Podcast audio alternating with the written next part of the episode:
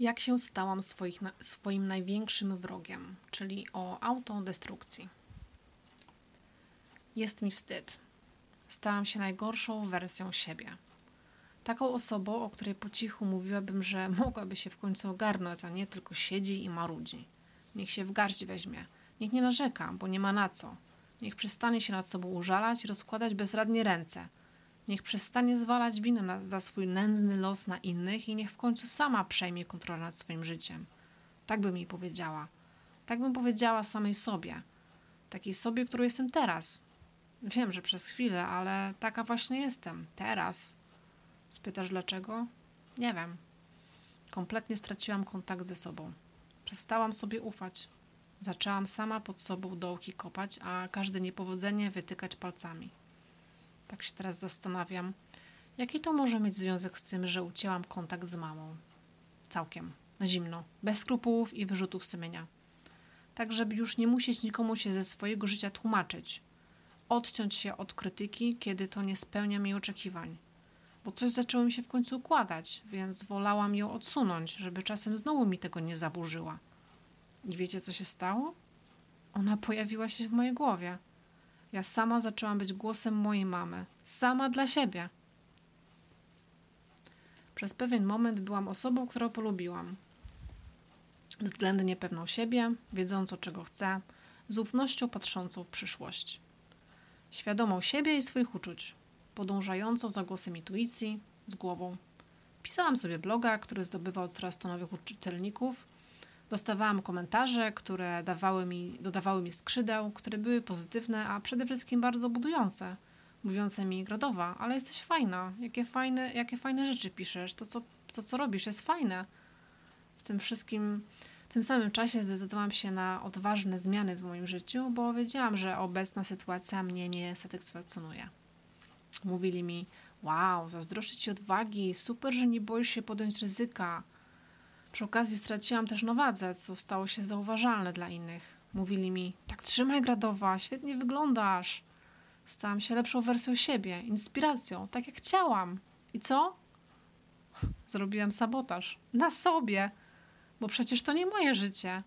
To nie jestem ja. Taka nowa, taka inna, taka fajna, taka świadoma, taka wiedząca, czego chcę i próbująca y, żyć życiem, o którym marzyła. Nie. Gradowa, weź się ogarnij. To nie ty. Ja ci pokażę, jak powinno wyglądać twoje życie. Życie beznadziejnie nieogarniętej 30-latki. Przede wszystkim chyba zapomniałaś, jak smakuje czekolada. Pierdol swoje zasady i olej dobre nawyki. To nie w twoim stylu. Słodyczy poprawią ci humor. Poza tym smakują tak dobrze. Poza tym dajże spokój. Patrz, jak ty słudłaś. Nie za dobrze wyglądasz? W głowie ci się poprzewraca z tego. Nie możemy do tego dopuścić. No zjedz sobie to ciacho, wafelka i czekoladkę. Przecież ty już taka jesteś, nadprogramowa. Nie możesz tego zepsuć jakimś tam zdrowym odżywianiem i siłownią. Pff, siłownia? Ha, ty i siłownia. Weź. Idź ze dwa razy w tygodniu, bo w sumie karnet kupiłaś. Ale się tam za bardzo nie przykładaj, bo to tak bardzo nie w swoim stylu być fit. Pff. Musisz znaleźć nową pracę. Tak, ja wiem, że miałaś na początku spore oczekiwania, bo wydawało ci się, że jesteś coś warta, że masz doświadczenie i umiejętności i na pewno jesteś lepsza niż dwa, 200 osób innych aplikujących to samo stanowisko. Ale sama się przekonałaś po pierwszej porawce, porażce, że chyba nie do końca jesteś taka świetna. Nie chcieli cię, bo beznadziejna jesteś. Weź ty spojrzy prawdzie w oczy i lepiej zaniż swoje oczekiwania. Próbować możesz, ale nie, spodziewać nie się za wiele. W najgorszym wypadku możesz znów zostać kolnerką. Ważne, żeby kasa była, tylko mamie nie mów, gdyby pytała, bo siara. Powiesz, sobie życie zmarnowałaś. Olej bloga. Myślę, że komuś robi różnicę, czy będziesz pisać, czy nie. Poza tym tyle tych blogerów już, blogerów już jest, że nie masz szansy się wybić. Lepiej odpuść. Są lepsi, fajniejsi. A te pozytywne komentarze to pewnie jakiś przypadek. Chwilowe szczęście, że kilka razy napisałaś fajny tekst też sobie wymyśliłaś bloga, Pff, żeby pisać bloga. Trzeba być kimś, kimś. A ty kim jesteś? Nikim, Gradowa, nikim. Lenistwo jest fajne, spanie jest fajne, oglądanie seriali jest fajne. A przyjaciół nie masz, nie miałaś, nigdy mieć nie będziesz. Pogódź się, pogódź się z tym. ten chwilowy epizod, gdy ludzie chcieli e, z tobą rozmawiać i się spotykać, to przejściowe. Kto by cię tam chciał mieć za przyjaciółkę? Jesteś nudna i smutna, słaba i niezrównoważona emocjonalnie. Poza tym, kto by tam słuchał o twoich problemach i zmartwieniach? Daj spokój. Zostaw to dla siebie, dla nas. Pożalamy się nad sobą w domowym zaciszu. Będziemy, będziemy unikać ludzi. Tak będzie lepiej dla wszystkich. Jest mi wstyd.